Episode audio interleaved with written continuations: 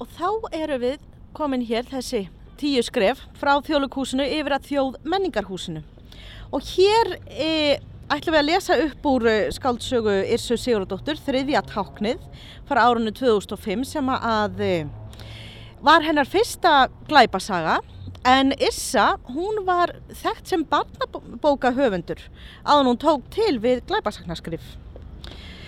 E, í þriðja tákninu koma galdramál nokkuð við sögu auk þess sem vísaði er til gamalla handrita en líkið af ungum þýskum háskólanema finnst í Árnagarði þar sem Árnastofnun er einmitt til húsa en þar semst eru handritin geimt og síslað með þau. Það er því viðgand að lesa bókinu hér við þjóðmenningarhúsi en hér eru handritin einmitt til sínis. Lýsingin sem við heyrum er, frá, er úr upphafi sögunar og það er húsförðurinn Tryggvi sem er að gera sig kláran fyrir daginn. Og lesari er Björn Unnar Valsson, bókmyndafræðingur með meiru og þetta meira er einmitt það að hann er húsvörður hjá Borgabókasafninu. Gjörðu svo vel Björn. Tryggvi húsvörður leitt undrandi í kringum sig. Hvað var þetta? Gegnum rísl ræsningakvennana barst sérkennilegt hljóð innan á byggingunni. Það var í fyrstu lágstemt en var það æg greinilegra. Hann sussaði á konurnar og laði við hlustir. Þær lítur stórum augum hver á aðra og tvær þeirra syngdu sig. Húsverðunin lagði frá sig kaffibótlan og tók stefnuna fram á gang. Tryggvi hafði notið einverunnar áður en þar kom í hús. Hann beigði rólegur eftir morgunsopanum við kaffivélina. Ræstingakonurnar voru væntanlegar á hverri stundu. Hann hafði verið húsverður í byggingu sakfræðiskorar í meirinn 30 ár og upplifað á þeim tíma ótrúlegu umskipti. Í fyrstu voru konurnar allar íslenskar og skildu hvert orð sem hann sagði. Nú var þann að segja þeim fyrir verku með handapatti og einföldum skipunum. Þar voru allar nýbúar og áður en kennarar og stúdendar mættu á svæðið hefði hann allt eins geta verið í Bangkok eða Manila. Þegar kaffið var tilbúið hafði Tryggvi gengið með rjúkandi botlan að glugganum í öðru byggingunni, leitið út og virt háskólasvæði fyrir sér á kafi í snjó. Það var óvinnu kallt og hvít voðin glitraði. Kyrðin var algjör. Þetta myndi Tryggva á fæðingarháttíð frelsarans sem var handað við hotnið og honum hlínaðum hjartarætur. Hann fylgist með bíl renna inn á stæðið. Þar fór jólaandinn, hugsaði hann með sjálfum sér. Tryggvi horfði aukumannin stíð út úr bifriðinni, loka á eftir sér og ganga í áttinað húsinu. Hann let gardínuna falla og vek frá glukkanum. Hann heyrði óminna því þegar bílstjórin opnaði dýrnar á byggingunni. Hvort sem það voru profesorar, dósentar, lektorar, rítarar eða aðrir, þá fannst Tryggva lang erfiðast að eiga samskipti við þennan mann. Hann hitt Gunnar og kvartaði endalaust undan störfum húsvarðarins. Tryggvi þóldi ekki yfirleitið í jónum og leiði alltaf ítla í návistans. Í upphafi annarinnar hafði þessi sagfræðu profesor saga ræsningakonunnar um að hafa stólið frá sér gamalli velritaðri grein um papa á Íslandi. Sem betur fer fannst greinin og máli loknaðist út af. Upp frá því hafði Tryggva ekki bara fundist hann óþólandi, hann fyrirleitan. Af hverju ættu asískar skúringakonun að stela einhverja anskotans grein um papa?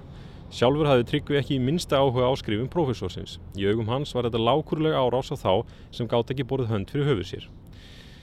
Þennan morgun voru þær ekkit öðru sem vanlega. Þær komið saman inn á litlu kaffestóna og buðu góðan daginn í einum kór með sterkum hreim. Því fylgdi geysilegt flissað venju.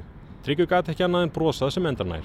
Það týndi á sér litríkar yfirhafnir á meðan hann stóð álengdar og fylgdist með. Óskup venjulegur dagur sem nú virtist verið að taka óvænta stefnu. Tryggvi smegði sér í gegnum hvennahópin í áttadýrunum fram á gang. Hann heyrði hvernig hljóðið breytist úr stunu í öskur.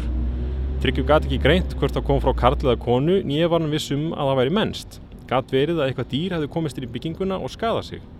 Hún gafst ekki tími til að hugsa þá hugsun til enda því nú bættist við órlegi brestir eins og eitthvað verið að rinja og brotna. Tryggvi jók hraðan út gangin.